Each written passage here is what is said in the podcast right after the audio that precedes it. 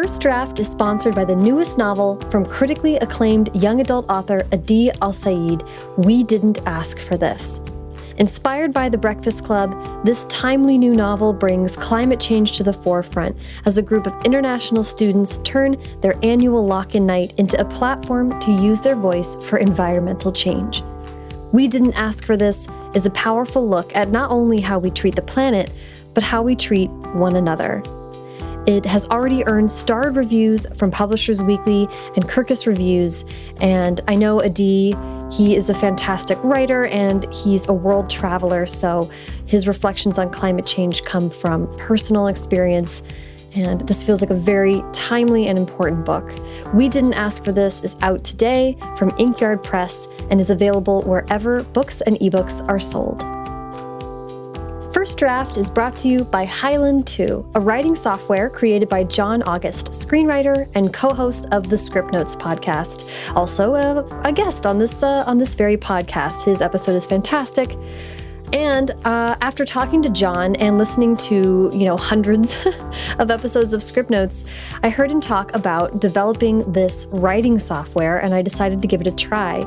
I just finished writing a first draft entirely in Highland 2, and I'm obsessed with it. And here's why I love Highland it's so simple, but it's still really powerful.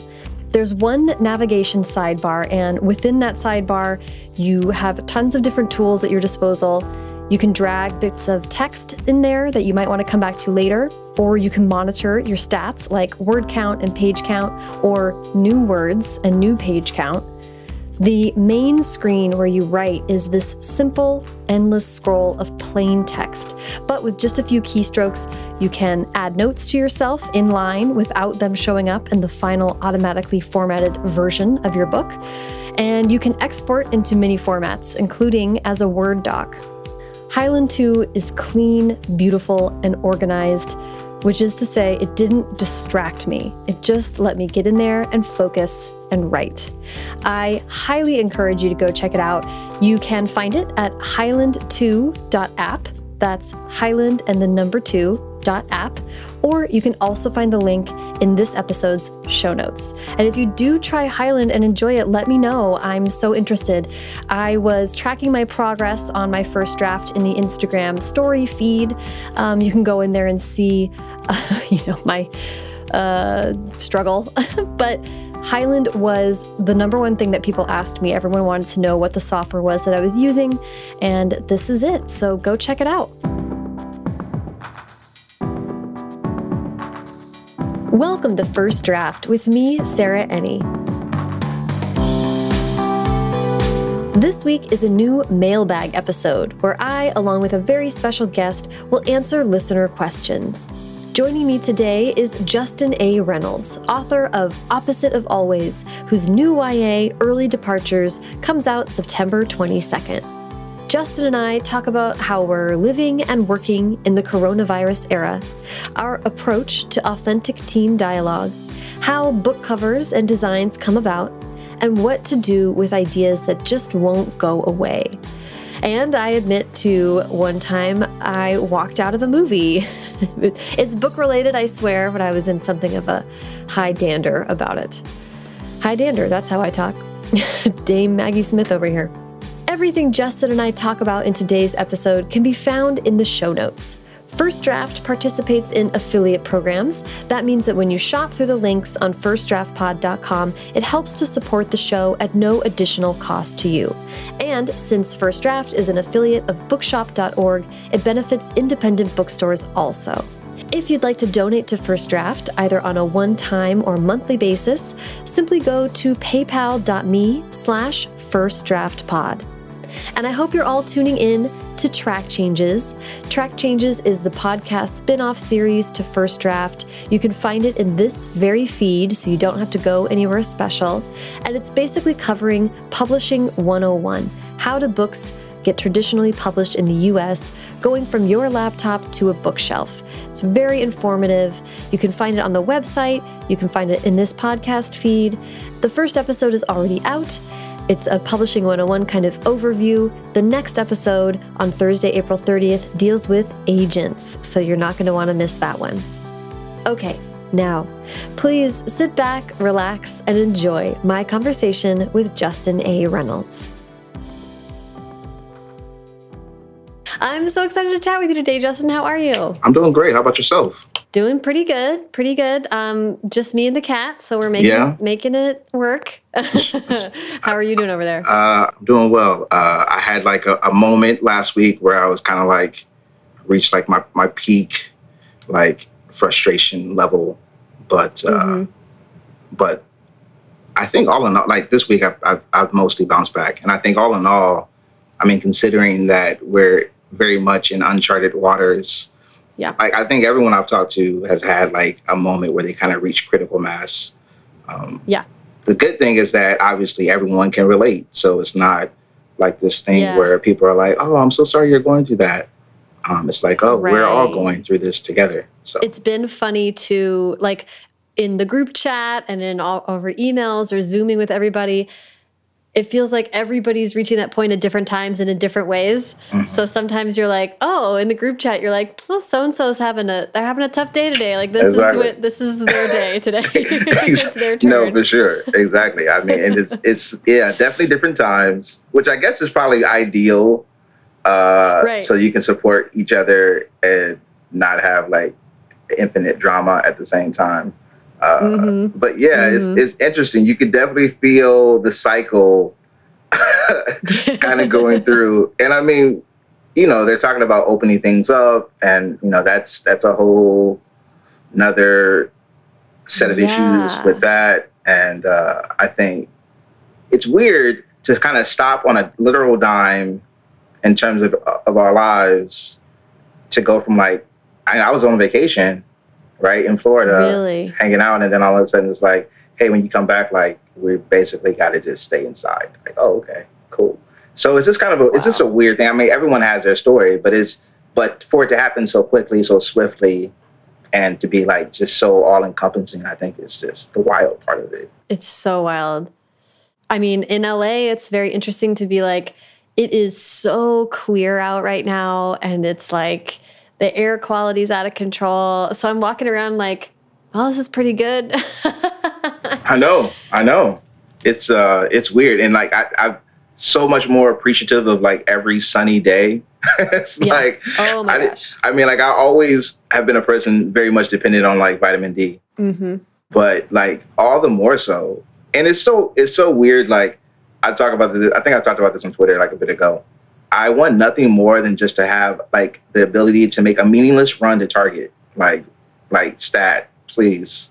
Can I just? Yeah. I didn't also I didn't realize how many times a week I probably went to Target for like no real and no real purpose. And like Yeah. came out with like one thing that I really didn't probably even need. But it was just like I also realized I do a lot of thinking at Target, and I'll do a lot of, of my like Oh. random like check-ins with friends because I like to walk around while I talk or drive when I'm talking. So I'll just be Mhm. walking around the store. I'm that annoying person walking in the store, um, and but I don't have the Bluetooth. I'm not the Bluetooth guy who's still wearing Bluetooth. That's So good. you're like, "Are you talking to me?" good. And they're like, "No, like obviously the Bluetooth." So, but no, like I just that's the part that I miss. It's just the access and the ability to to go and move, you know, as we Yeah. please. That's the part that I guess you kind of take for granted. Yeah. Well, you're kind of teeing me up because I was going to ask you to share like what is it like having to work from home? Is that what you usually do or what's your what's what's going on with that? So like I am not a person who works from home very easily. Like in general, you know, pre-pandemic, I sometimes struggle with organization. It's a thing Mhm. that like doesn't come natural to me because in my mind, and maybe it's not entirely true. Like I'm I'm actually sorting that out um, now. In my mind, I've always thought like, oh, the creativity feels stifled when I try to organize myself into like hour boxes. Like, okay, for this two hours, I'm going to work. Like, that works great for some people. They're like, okay, I'm going to work for two hours and the output is the output. For me, it's always been kind of weird to do that because oftentimes, like, at the tail end of a session, if I schedule that time, I'm like, then I'm on fire. So it's kind of, it's like a weird mix. So, like, I have always kind of just made myself right every day, but not necessarily on a strict schedule Mm, and I had that. I had more of uh, of the the luxury of like of, of personal time you know, pre-pandemic, and now that we're we're dealing with that, you think you'd have more time to sort those things out. But because I don't really work well from home uh, creatively, and there's so many distractions at home, um, I, I find myself actually like struggling a little bit more than I think some people probably are. Some people are like, oh, all of a sudden we have like this windfall of time, hmm and I think for me it's kind of the opposite. Like I feel like I lost time. Yeah. Um, and so it's kind of weird. I, and I think the other thing is that for me, I have to approach writing like a job. So like I have to get up, take a shower, get dressed like I'm going to the office, go to my actual office, and I work there like office hours. And then I and and I'm still like working throughout the day, but like I treat it like that because that's the way that I accomplish the most. yeah. Um, so like getting up and walking down to like my living room, it doesn't have the same feeling. Like my brain is like, what are you doing? Like, oh, look at those dishes over there, or like let's pay some bills. I don't know. So it's a Yeah. weird thing. What about you? Like, are you are you finding like your groove with the extra time, the quote unquote extra time, or what? I mean, speaking of, like, I my heart goes out to every parent out there that has like school age kids who is doing homeschooling. Because talk about losing time. I mean, Mhm. those. I think parents with school age kids are having a totally different experience than anybody else, 100. percent and uh, it's a it's a lot. And I my heart goes out to them. I do feel fortunate that I really only have to worry about myself and my cat. Yeah. But um, even like when this started, I was in the middle of launching track changes and like I'm not kidding, working like 12 hour days on that. And Yeah. so in some ways I had already canceled everything. Mm, And when this happened, it- you know, I'm not being I'm not trying to be uh, uh, glib about this at all, but I was like, okay, I'll just work on this. Like I can focus on my podcast stuff and um, worked on that day and night. And now I need to start working on my book. And uh, I haven't figured out what that's going to look like. I moved my desk into my living room so I can look outside. I heard there's a coffee shop track on Spotify. I'm going to go find that and uh, maybe crank up the speakers and just fake it. yeah. so we'll see. That's like the end of this week is when I'm really starting. So I will I will let you know how that goes. Yeah. It's a it's, it's a weird adjustment time, but I think yeah. kind of like we were saying before we started recording, is that the I guess if there's any kind of comfort is that you don't really have to explain the feelings that you're you're experiencing right now. Everyone is well aware of those Yeah. feelings, if not battling them themselves. And so I guess like now more than ever, I think the other part of it is that even though I mean I like I, I live in Ohio and there's a couple writers here, but we don't we're not able to get together often. And so mm-hmm. a lot of times I kind of feel like isolated except for the online community. And so it's a weird time. Like now everyone's kind of like stuck at home. It, kind of rallied this community, I think, in a in an awesome way. And so that's been kind of Yeah. uh, kind of encouraging, I guess. Yeah, I agree. It's been really it's been cool to see and like Zoom and the fact that it just is leveling in some way. It feels like Sure. everybody's on the same same level and so we're all like, okay, let's just talk because we all need that. Yeah. Um, okay, let's dive. I'm, go- I have some really great questions that came in over Instagram and a few from the voicemail, which is great. Okay, let's see. Where do I want to start? Let's start with um, this is a question from Julia. Hi, Sarah. My name is Julia, and I would love to hear about how the decisions get made for how your book looks visually. Is that something that you have a lot of say over as an author? What your cover is going to look like, and any additional visual details in the book? Or is that something that your publisher mainly has control over? I really loved the photos in Tell Me Everything with Ivy and with the paint brushes. I thought that was a really special touch that added a lot to the book, and I would love to hear about how that came about. Thanks. Do you have a copy of your book with you? Because we were on video, we can show I it. do have a I'm copy like, of the do book. I have mine? I'm gonna go grab a copy of mine. and I just got this edition. This is the uh, the paperback just came out, so I got that. Uh, yeah, Oh, paperback! Look at that. Paperback, That's paperback. so nice. yeah, it's cool. Oh, I love a paperback. I love a good paperback. Oh, I love it, and, I, and I'm like always, I'm, I'm, I've been a big fan of your cover for, since it came Oh, thanks. I. I oh my god, my designer This is the last book she designed before she like moved to Colorado to do freelance and to like teach yoga. So she could have just been like, awesome. uh, I'm on my way out. But instead, she totally did a mic drop no, and she just like it. crushed it. She did. I'm so happy. So, and actually, this came out since it's with Scholastic. It came out in paperback and hardcover at the same time. Oh yeah, because yeah, the yes, books yes, and fairs is all trade and book paperback, which was really cool to see that. But anyway, I think what we both are are saying is we have nothing to do with how they look. So I'll say this: we and I and uh, it's a weird thing. Like I love my cover, and I was uh, Stephanie Singleton uh, did the cover, and she's awesome. She like you can check out her Instagram; it's, it's incredible. But she uh, she designed the cover, and I will say this: like my publisher, shout out to to Harper and to Katherine Tegen Books, like they asked for my insight and my input into what was like really important to me Good. and like also like the things that I absolutely didn't want. And you know, like people ask that kind of stuff all the time, and of course, like they're not necessarily beholden to follow through Mhm. on those things, but we were fortunate that they really took it to heart, and like I couldn't have been more excited about what they delivered, and they they were very. It's not always the case, and I felt like everyone told me that it probably wouldn't be that way. Um, Mhm. That usually, I know most authors that I know, including my friends, don't get a lot of input. You kind of get what you get because that's more of a marketing and sales thing Mhm.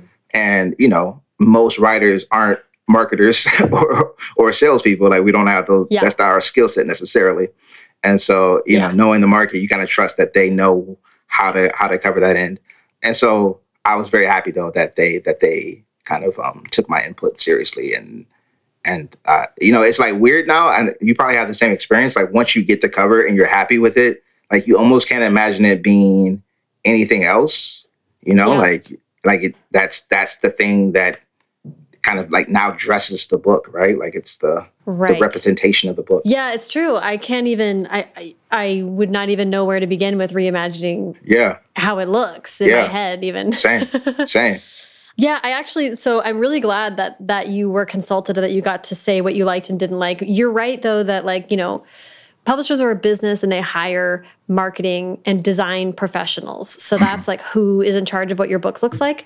Just to Julia who who asked this question, they they take it and run. My experience was. I did not hear anything about my cover, and I was like in the background being like, "Oh, I don't know what's going on." So I made like a Pinterest board and sent it to mm. my editor, Amanda Maciel, who was amazing. And she, in response to that, was like, "Oh, um, we're like doing that without you." she was like, "We're like pretty far along already." So she sent me some pictures, but they they were totally hooking me up, and and they actually did a photo shoot for this cover, and they were doing a bunch of really really cool stuff. But she kind of looped me in, and I was trailing behind, like keeping up with what they were doing. But in the end, I was super, super happy with it. So that was completely fine. And Nina Goffey, I should say, is her is the name of the designer of the book, and she did a great job. that's even awesome because so they so the the model on the book they did that Yeah. for the for the book Yeah. I know. That's awesome, was too. like, Is that you? right no but it's awesome because like so many times a lot, well, a lot of times they end up using art that they you know licensed art and so it's cool yes. that they that they, even that is like awesome that they that they shot that um, for your It's huge. Yeah. And that that's like um, for anyone that's not familiar with the process, like there's a lot of different ways you can do a cover, but yeah, you're right. When you find out that they have commissioned a photo shoot and that that's spending money and that's a real investment in what the book cover looks like. So when I found out they were doing that, I was like, great, do Yeah. whatever you Yeah. do whatever you're gonna do. Yeah, it's awesome. And the inside, did you have any? There's like some text messages in your book and stuff, right? yeah, yeah. There's text messages, but you know what? Like, yeah, there's text messages. Let me show a, a different version. Hold on one second. Yeah. Right back. Be- And while you're there, I'm going to flip to my text messages because Yeah, this actually was a point of contention. Uh, and for you listening on the podcast, I, my apologies. We are talking about a visual thing, but Yeah. During copy edits, that was a big deal for me. That I was like, these texts don't look right. Um, and I had a bunch of emojis, and they were like, "You can't be using these emojis." I had to pick Mm. Yeah, out yeah, yeah. like twenty. so, and it's so funny because, and I was kind of getting frustrated, which isn't fair because book book designers have a lot of work to do. But I was like, God, just look at your phone, guys. No, They- know. There's no one like agreed upon way Nope. to present them in books. Nope. Like it's so weird because I think part of it is that you know publishing moves so slow, right? We all know that. We talk about mm-hmm. that all the time. Like it's hurry up and wait, and mm-hmm. so the things that we kind of take for granted, like that society, like text messaging is the predominant form of communication. So you would mm-hmm. think almost because in any business, for the most part, there's like a standard, right? Like this is how it's done. Right. This is how it looks mm-hmm. across the board, so that it's uniform, and that mm-hmm. once you have a standard, once you see that thing, no matter where it's at, you recognize, okay, that's what this is supposed to be, right? Yeah. Now, like I think in, in like book printing, there's something there is a, a beauty to having freedom to kind of compose the text the way that you that you want mm-hmm. in a mm-hmm. way that works best for your material. But at the same time, you would think that there would be like like for emojis, like an easier yeah. like an easier way yeah. like yo this is a like a standard emoji like i'm not making up emojis like this is right. i actually like i actually went into like online and found like the exact descriptions of each emoji like winking at da da da da and i put those like in the text like this is what i'm asking for like yeah. not just some made up weird winking person. but you know, but you know why? Because they're trademarked. I know, I know they can't use the exact ones, right? I'm trying to I'm trying to find. I have some um some emojis. They, so they they did a pretty cool job. Like they also asked me if I wanted it to be to actually have the emoji, or if I wanted this to put like in asterisk on either side, like winking, winking. Like it was kind of weird, but but I'm thankful I did. I was like, no, thank you. Uh, let's see if I can get that. If it's kind of if it's not kind of clear, okay, kind of Mm, it's a little camera. hard to see. Let's see. It's hard to see. All right, let me see. I think you have to block your face entirely. oh, there we go. Here we go. oh right. yeah, I can see. All right, yeah, so that's like a winking emoji. Um, but yeah. then it was kind of cool is that like the uh, the the Czech version of this thing, they did like really cool uh, graphics like throughout. Ooh. Like they did a. Uh, clock. That's nice. And they did like uh like a ticket for like so like we kind of talked about. Well, I won't go too far off the topic, but you and I talked before about making up bands and then like being so dedicated. Yeah. So like I made up the band Mighty Moat, and so like they have like all kinds of memorabilia and like they're gonna appear like in everything that I ever write. oh, so I'm just, but like no, I just but like so they they put in like ticket and like a poster for them. So I think it's kind of uh, a cool just like a cool like little uh, tongue in cheek wink at your wink at yourself, I guess. I love like, it. Yeah, the Easter eggs. I love those. Yeah, little Easter eggs. Well, and you know what? I think what what, what also work kind of is true for both of what we're talking about is like I could tell that Nina Goffey read my book when she designed yeah. it, I yeah. looked at it and I was like, yeah, absolutely. This is yeah. the care and thought of someone who who really read it. The designers don't have time to read every book. That's, so That's just That's impossible at a big five publishing house. But there's little details that that really let you know, like, yeah, this is a person that connected with my book. That's true. And I, and I should also say that uh, the reason why this also came together. So Stephanie Singleton does not work for for Harper. She's a, a freelance artist, mm-hmm. but Erin Fitzsimmons at Harper is the one who kind of found her, and also like is her cre- like a lot of it's her creative energy like that directed mm-hmm. the the final product. So I'm thankful that they both really were invested in like mm. Erin championed the book, even you know from the artists uh, from mm-hmm. the yeah from the art side of it th- of things as the art director on the project, and so it it translated into a, a awesome cover. Yeah, that's great. Uh, another question that we got that I think is perfect for you and I to talk about because we both write contemporary uh, young adult fiction is uh, someone uh, was asking for tips on writing teen dialogue. Mm. Spoiler to the listener: neither of us are teenagers anymore. Speak for yourself. Speak for yourself. I am. I am. Uh, I just had my my 17th birthday. Uh, yeah, yeah. Happy bar mitzvah. Yeah, thanks. Appreciate that. Appreciate that. Uh, no, it's like so. Okay, I okay. So first of all, there's actually going to be like a panel that uh, that uh, I was asked to do for a book conference later this year about this, about oh, like really? writing for teens. What's interesting is uh, about teen voices. And what's interesting is that it just depends on who you ask. Like there are going to be yeah. some people. There, let's be honest. There's going to be some teens who read it and like that's not how teens talk, right? Because mm-hmm. what you're really talking about, what you're really saying when you're trying to kind of inhabit a group of people that necessarily that you don't necessarily belong to any, anymore mm-hmm. is you're saying like here's a snapshot of how this subset of people talk right mm-hmm.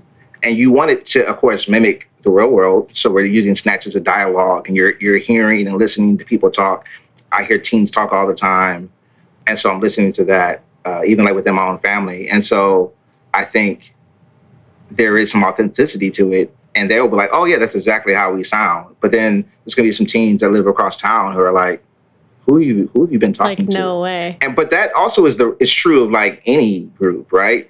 Like yep. there's gonna some people who would say like, "Oh, a uh, uh, bank uh, teller would never talk that way," or right. a person who works at you know Target would never talk that way.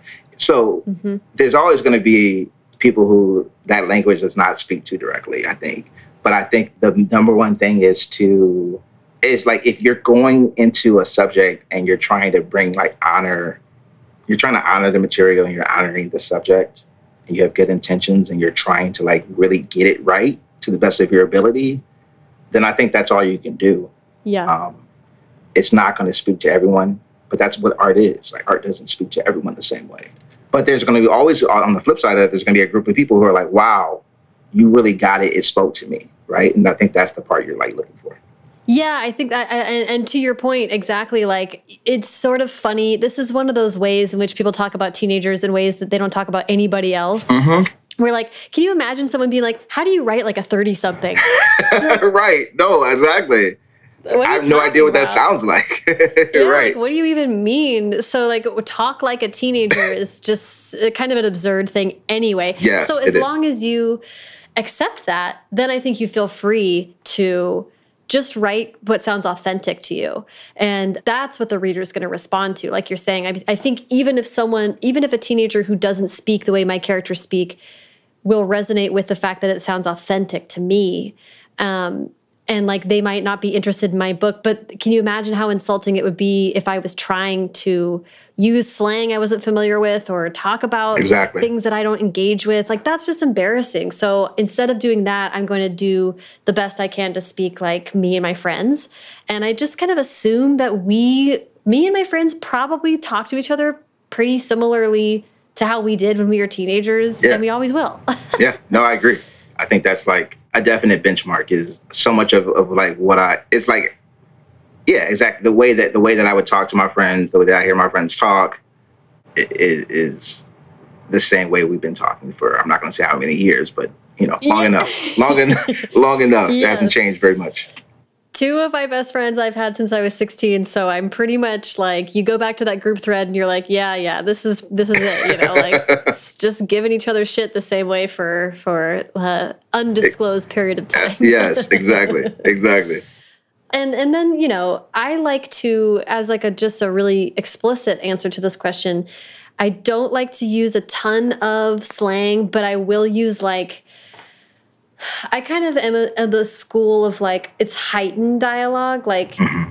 you're you're not going to include as much ums or mm-hmm. likes uh, or mm-hmm. rights or hums as normal people do in actual spoken language. Mm-hmm. You're going to clean it up, but I kind of hear it when I'm writing it and. I do throw in some likes, and there's a lot of exaggeration and using like unusual words almost in the way that you would use slang. Mm-hmm. Just um, and it, I, I'm having trouble kind of explaining exactly what it is, but but it's almost like Gilmore Girls isn't how anybody talks, but it's consistent in that world, and so people accept it. So that's kind of like yeah. what I use as a metric. No, I love that. I think that is a great way to approach it. I also, I guess, kind of subscribe to that same approach. I think the one thing that always here's the, here's what I'll say. So every now and then, like I, I have, I, I don't read like reviews and, and whatnot for the most part. Um, but yeah. I heard have heard people say like, oh, you know, that that's not authentic teen dialogue. And I guess sometimes young people have said that, but most of the feedback I've gotten, I've been fortunate to talk to a lot of kids at schools across the country, and like, no one has ever said this dialogue doesn't seem authentic. Now they could be thinking it, but no one's ever said that. They've given me other critiques for sure. that hasn't been the one. But usually, who's saying that are like adults, and they're saying because I'm using heightened language or I'm using words that they may not use in their normal vocabulary, they're right. assuming that like teenagers are incapable of doing that, or right. would not understand or relate to that material. And that's where I take Right. like offense. Like that's not the teenagers that I'm speaking to. And the thing Yeah. is, and this is like a, could be like a you know a, 10 hour episode. But the thing that's interesting is that you talk to kids and it's like they are very capable of speaking slang and speaking the slang of the day, of the hour Mhm. even, right? But then also slipping into kind of this heightened language. And so I think, especially I think every generation, and especially the generation coming up now, is like, why can't we have it all, right? They kind of they there's a blending and a marriage of like language and culture, and Yeah. and so I don't think that they would say this is how teens speak, or this is how teens teens would never speak this way. I think it. I think there's a freedom that Mhm. that exists, and like we live in an age where like creativity and like you know stepping outside of the box is very very much encouraged, and I think that's a thing of beauty. Yeah. I think you're I could not agree more with you. And and what's what's coming to mind for me is the fact that like you know, you and I sort of I'll just speak for myself, but like in high school there was still a monoculture. There Mhm. was still some semblance of a monoculture. Like For I sure. watched TRL, I watched the final episode of Seinfeld, like Friends was like the show. There you know, before TiVo even Yeah, yeah, like and now everything is so different like there's something for everybody and there doesn't ha- there is not one tv show about six white people living in an unreasonable loft in new york to be like this is what's normal and we're all supposed to think that's normal it's like i'm glad that's not the case anymore you know yeah, yeah. No, it's so interesting. It's kind of like one of those things where like as the culture has evolved, honestly, it's like I'm so grateful that we get to write for young people because they're doing so much heavy lifting in society. And like, unfortunately, that's the case, I guess I should say. Right. Like, unfortunately, they have to do that because our generation, previous generations, didn't move the needle quite far enough, right? And so people Yeah. coming up now, but they're making like light work of it almost. Like you're seeing Mhm. this explosion, and some of it is the internet and the ability to like shrink the world down a little bit, where like we're not bound by physical boundaries. Like Right. people over, you know, in China could be can be saying can be listening to the same song that I'm listening to right now and Mhm. and loving it just as much, right? Like we have that access, which is which is amazing. The world has shrunk yeah considerably. And what that has done is like it's allowed there to be a blend and where we don't expect you to be one thing. Like we don't expect that to happen. Like yeah if anything, we're we're pushing you to be as many things as you as you as you can, right? And then to be Yeah. surround yourself with those people who who are trying to expand their own like emotional and mental boundaries, which is which is awesome. i love that yeah i think that's that's and given all that right there is no wrong way to talk about it there No, is no no, no. yeah so i like that that's and and it's i think teen dialogue is also to me that's a red flag of like that's not what you should be worried about like that's Exact- one of no, those agree. things Yeah. as a writer you look for stuff to put your anxiety on and it's like i'm gonna just tell you don't worry about it just write your book what what people want to know is they just want to know does the dialogue move and sing and and and advance the plot. Like they don't they're not necessarily worried about specific word choice the way we might worry about those yes i totally agree. Let's see another question that this came in over voicemail. This is an interesting one. I'm interested to hear um, uh, what you think about this. What to do with the persistent idea that keeps coming back to you? How do you distance yourself from it or let it go if it's not working for you? hmm I kind of wish I could ask for more clarity on like what yeah. what kind of a i'm issue assuming that this listener is happening, but i'm going to just take like one pathway and i apologize to the questioner if this is not the pathway you you wanted. But i'll say that the way i hear that question is when there's an idea for a story that seems to be somewhat insistent, but when you try to put it together, it doesn't seem to be coming together.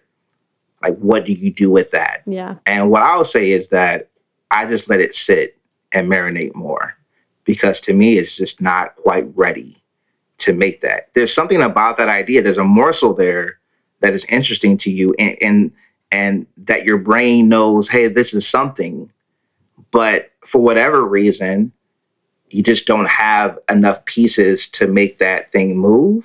Right? You have like the caboose of the train, but you don't have the engine. And so it's something. It's still an important important part, but you need something to drive to drive you to completion. And so I think that um, whenever I've had that, like I, I have, we all do. Every writer has like notebooks. You're jotting down ideas and Mhm. little morsels and tidbits of things that sometimes I forget that I even wrote that thing, right? And it's like I come back five years later, and I'm like, oh, that's a cool thing. And now maybe my life experience has changed, and I'm more equipped to talk about that thing, or I've seen more, or the world has changed in this way in which this is more relevant, and now I, the story just kind of comes together on its own. But I think like whenever we have like those things where it's like you're kind of like stuttering in your progress, I think a lot of times it's just like, but when we keep trying to like plod ahead hmm and you're just like frustrating yourself and you're pouring all this like time and energy into something that's not, you're not able to, to, to move uh, along. I think that it's, there's a lot of reasons why that could be happening, but I, but I think what you should take from that is it's just not time for that thing Yeah. and it's not a bad thing. And it could be it could be like you need a couple of days, you need a couple of weeks Mhm. um, to to sit with it a little bit more. You need like a couple months.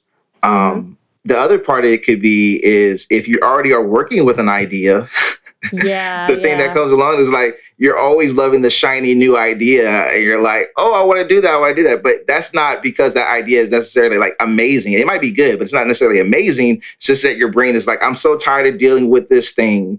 That thing Yeah. can even be going okay, but you're like tired of editing it. You're tired of revising it. You're tired of living with that story. And so your brain is like, let's just go over here and like, look at this cool thing. Ooh, shiny glass. You know, like, Yeah. um, and so I think that's like the other part of it is this is like you, it's trying to decide. I guess the question is like when do you just when do you know how to pursue something, when to pursue an idea and when not to? And I think Yeah. it's just something like for me, it's just if I if I don't think it has enough juice to sustain my own interests, I don't. yeah. It could be a great idea, and like Sarah might be like, "Oh, we both get the same idea," and it is it just takes off with her. And for me, it's a good idea, but it's just like I don't know what to do with this.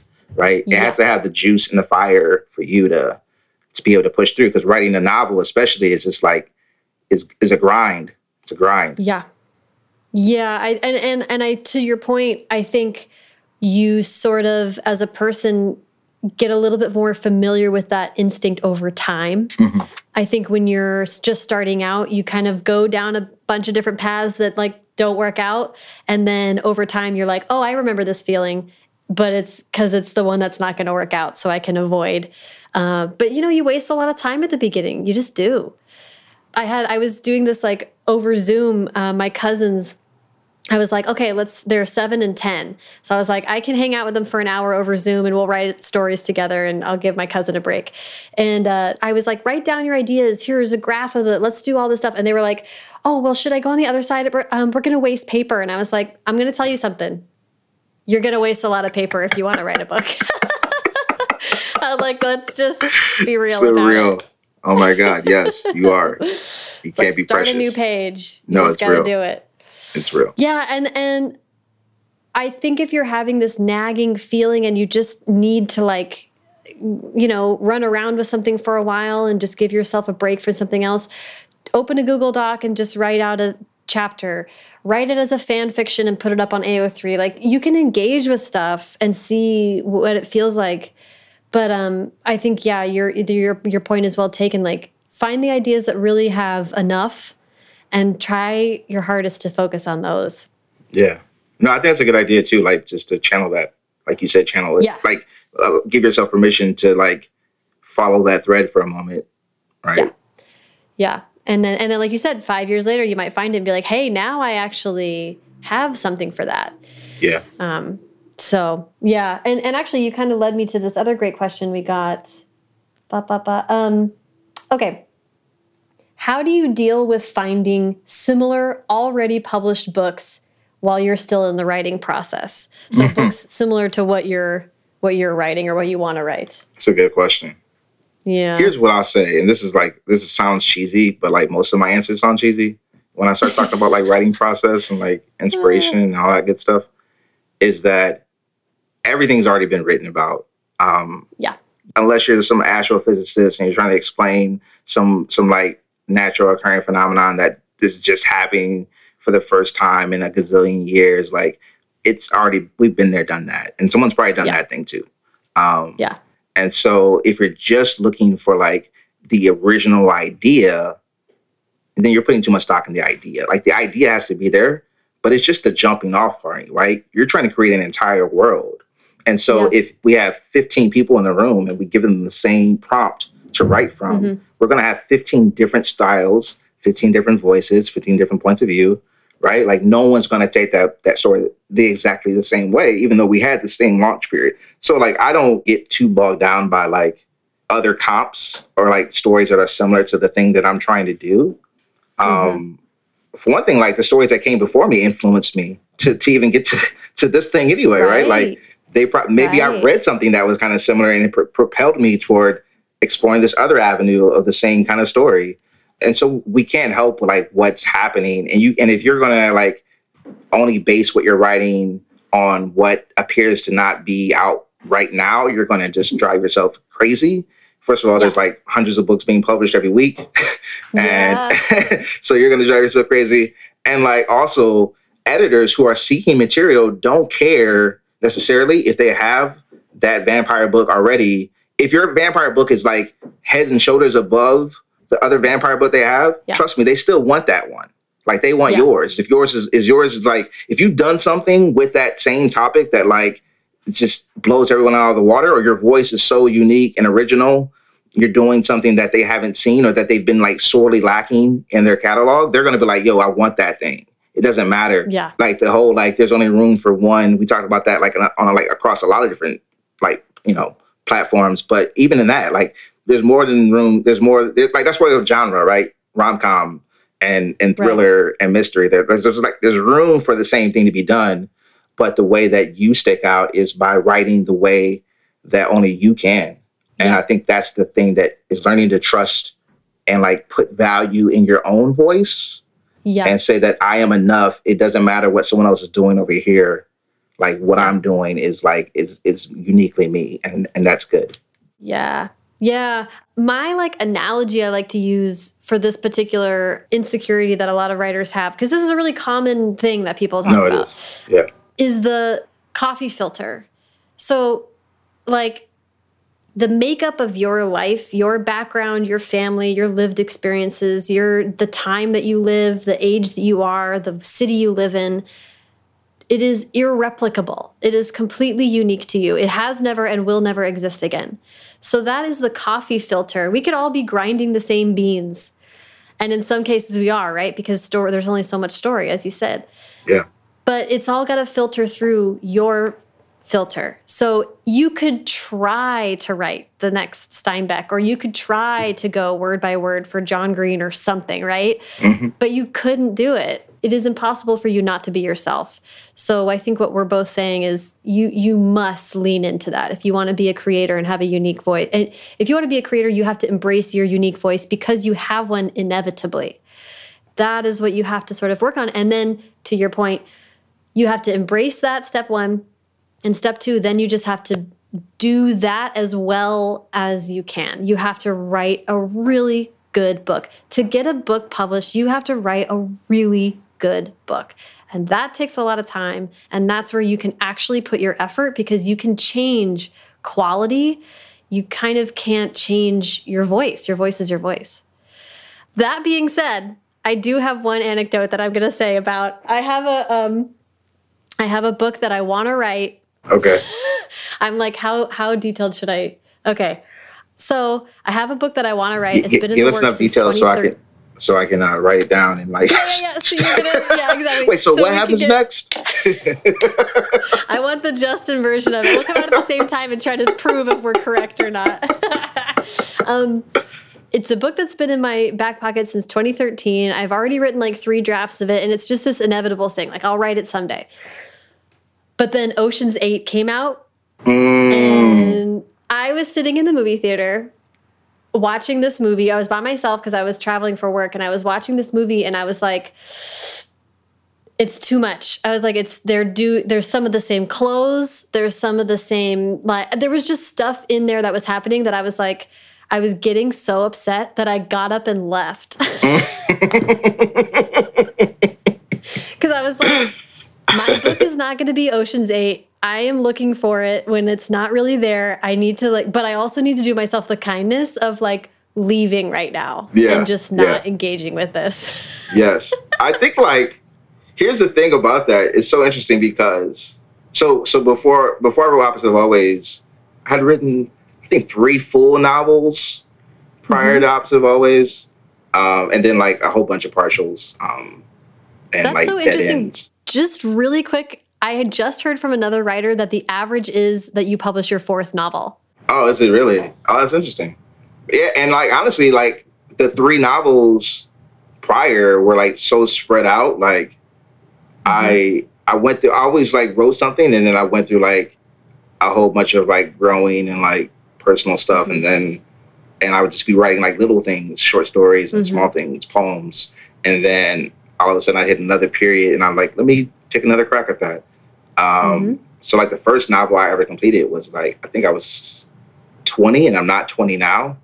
Uh, so it was a while ago. Uh, and and so like it's kind of like weird the, the way they spaced out. But yeah, like uh, all that to say, it's such an interesting thing. But like bef- the novel, two novels before Opposite, I had read something that had spoke to me so like profoundly that like I found everything I was doing was almost sounding like that thing. Like I couldn't get out of it for some reason. Like it was just Ah. like I love it so much. And then like I Mm. also and then sometimes I was like, well, I think I can like do this thing and make it a little bit different and whatever. And like what I realized, long story short, is that that, that project didn't go anywhere. Like I didn't, it wasn't completed because I was like not being my authentic self. The idea is fine. Like hmm like we, we have like talking dog stories and like bank heist stories and like hmm you know cute uh, meet cute stories like galore galore hmm right? But we're still drawn to those stories because like this person over here told this story in a way that we that just spoke to us and resonated with us in a way that either we needed it in that moment that we hadn't heard it before they introduced some kind of some type of diversity to it. Like there's so many different ways to make the story just like your own your own thing. So i wouldn't even Mhm. be like it's hard enough to write a story without worrying about like what the market is doing. And that's why like i always say too like in addition to not caring about if your story sounds similar to someone else's i also don't care if like necessarily the market isn't buying that type of story. Your agent might care if you have, if you have an agent. They might care. But like I just try to be like, I gotta write what it's so hard to write something for 80,000, 100,000 words. I gotta write something Ugh. that I'm going to be able to complete and that means something to me first and foremost. Yeah. And so, like, just focus on that. Like, don't even Yeah. worry about the outside noise. Like, that's what marketing's for and publicity is for. Like, let them find Yep. some weird angle to promote your book. But you just got to do the job, like you said, of writing a good book. And that's that's the only thing that you have to worry about, really. Is Yeah. write write a good book. I totally agree. And it's the only thing you can control. And the sooner you sort of embrace that, the fewer headaches that you'll give yourself. Cause that's that's it. We only get the book, the only the words. We don't even decide what font they show up in, you know? Yeah. Let me ask you a question. Let me like to Yeah. kind of go off of that.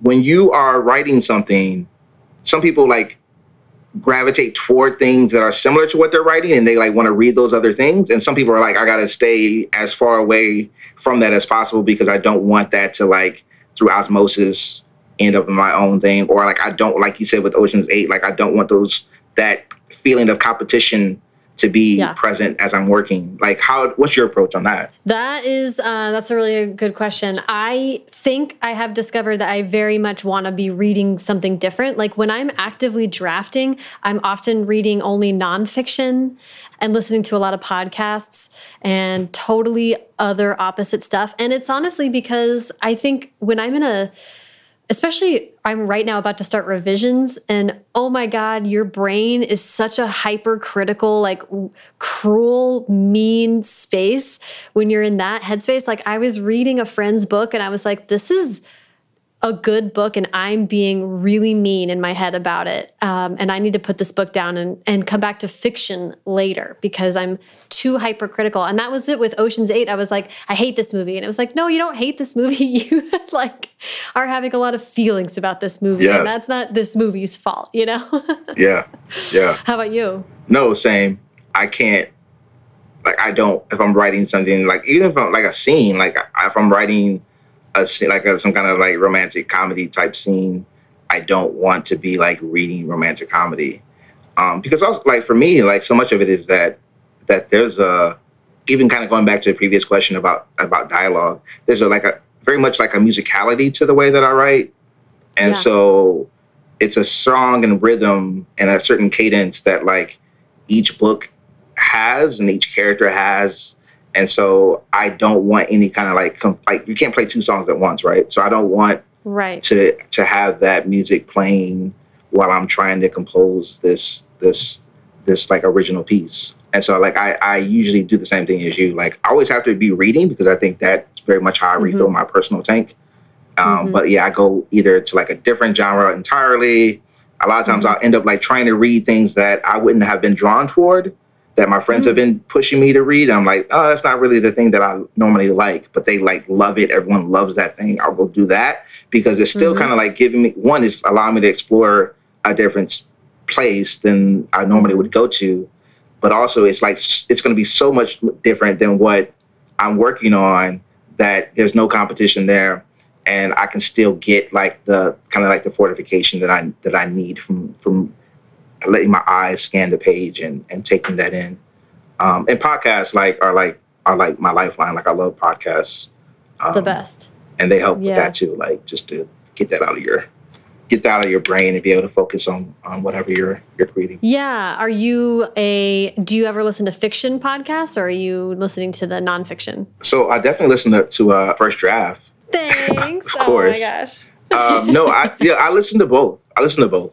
So here's what I'll say: I like First Draft. I, and this is not me like plugging you. I like First Draft because it's so much about the process and about the the kind of the background of a person that led them to a place where they had the ability to write that story, right? Where everything kind of converges, and then like the story felt inevitable in this way Mm, um, mhm. and then like the the catalyst behind the conclusion of that story.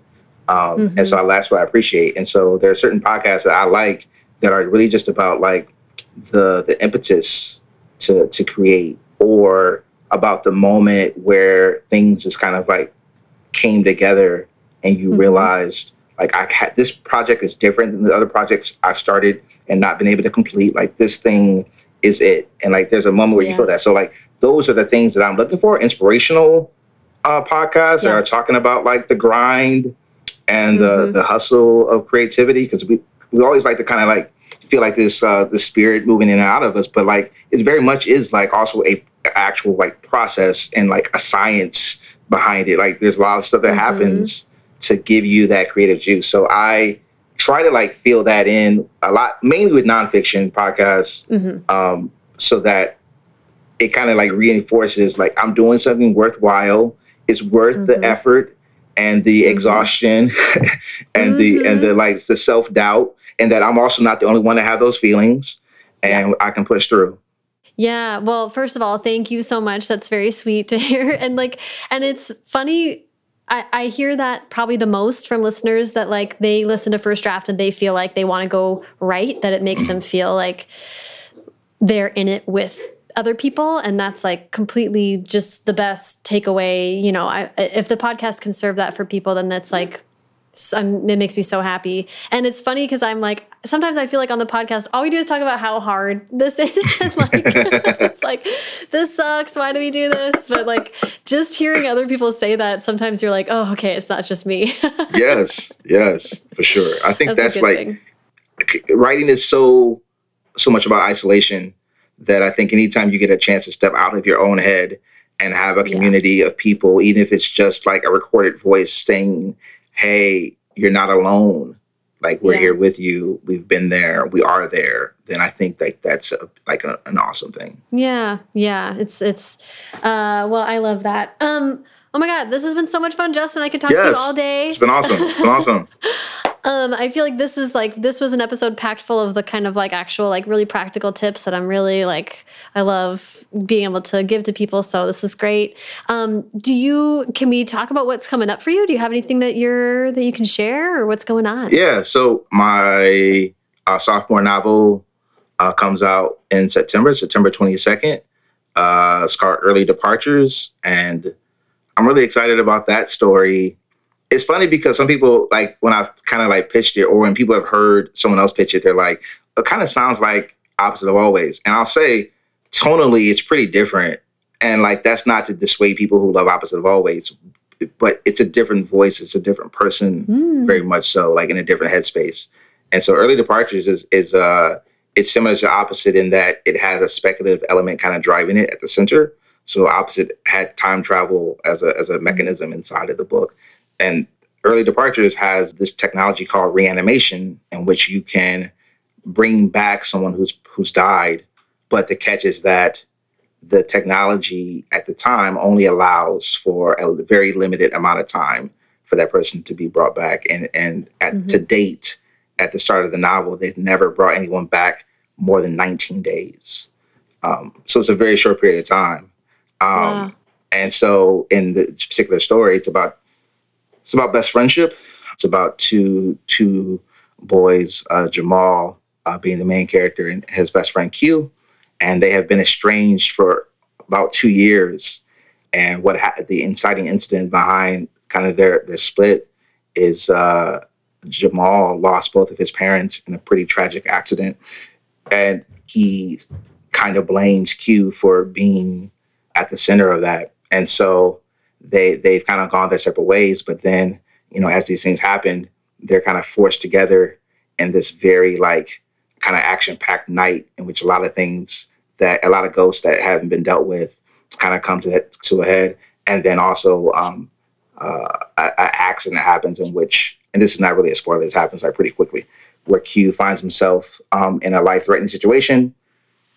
Jamal does his best to try to to try to pull his friend through, but Q ends up passing away. And so then that's when that technology kind of comes into play where uh, this this mysterious organization comes out of kind of the woodwork and offers to bring back Q. But of course, there's always like a price. They they offer to do it for free, but of course, there's always always a price to pay. Um, and the mm. the other mm. catch is, uh, to the story is that they're going to bring back Q for, and I won't say how many days, but they're going to bring back Q for X amount of days. But with this technology, the way they rewind and kind of reset the individual they're bringing back in order to kind of prevent the trauma of that experience of, of death is they reset you and kind of recalibrate your brain so that that episode is not there anymore. And so you don't know that you died. Oh. And that means you also don't know that you're going to die again. Right. Whoa. And so it's up to the family, especially because Q is of is underage. He's considered a minor still, so his family can make his his healthcare decisions. It's up to wow. them to decide if they want to tell Q that he that he's in fact kind of the Walking Dead, or if they want to let him just kind of live out the remainder of his days um, without that knowledge and, and, kind of enjoy his uh, wow. his last few days on Earth. It's a it's kind of a letter to to one of my best friends who passed away, and uh, the things that I didn't say in opposite, I'm saying in this story, and, and yeah. it's uh, very much about like when when uh, I think in this in the culture that we live in, and not, I won't go too too deep into it, but the culture that we live in, it's like kind of that weird thing where it's like that we talk about toxic masculinity a lot, and about like how um, and like hyper masculinity and how uncomfortable sometimes men are about expressing love and affection for another man right? Outside of you know like a sexual context, where it's just like this is my best friend, like I love you. Um, yeah. And so this is very much like that, like dealing with that also, with like being able to express how you feel about somebody who means so much to you. Yeah. Oh my gosh. I can't wait to read this. That sounds amazing. And yeah, like a, a book full of feelings. That's what I love out of my YA contemporary. So I am excited. Yeah. And I mean, it's I, it's worth mentioning that you're that I mean, opposite of always is very funny. So I'm sure that this is also going Oh, to be it's very funny funny, like, in addition to being full of feelings. That's the pitch that like uh, like when I give the opposite of always pitch is like the pitch is you know it's like Groundhog Day except uh, instead of reliving the same day over and over again, you had to relive the same four months over and over again. Um, except at the end of the four months, the person that you love most in the world dies, and it's like, but it's also funny, which like people are always like, okay, uh, but no, it's it's uh, it's one of those things where it's like it's just trying to find that balance because real life is like pain and like comedy oftentimes intertwined, right? And so yeah. um, just finding finding the the ability to try to, to try to tell both sides of the story. Yeah, well, I love it. Well, this has been so fun. Yeah, so awesome. I, uh, I'm going to turn off the, the creepy recording now. Okay, yes, yes, please do.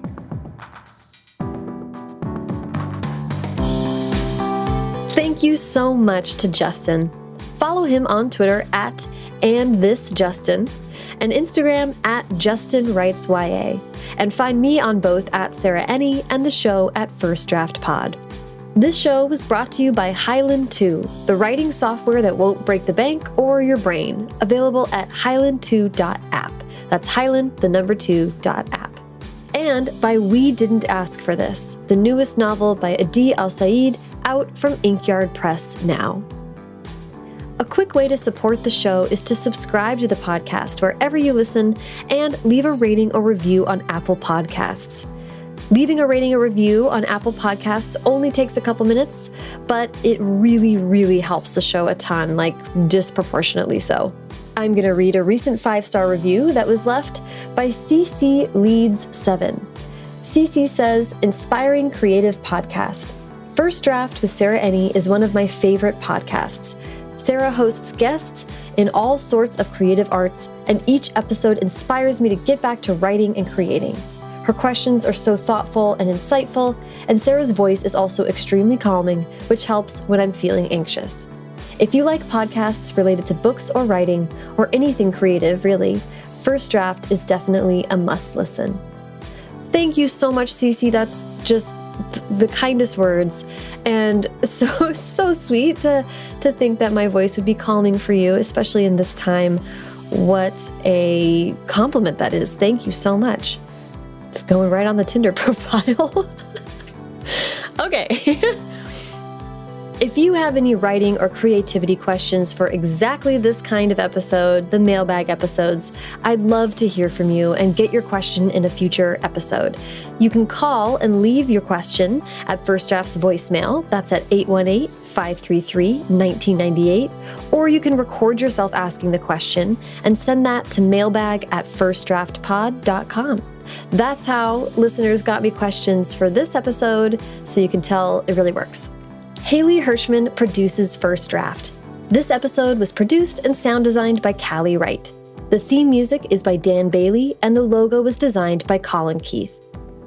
Thanks to transcriptionist at large Julie Anderson, and as ever to all of you crisscross Zoom background users for listening. when I joined the call with Justin, he still had a crisscross background up on his Zoom uh, from his previous Zoom call, and it was really, it was a, a true joy.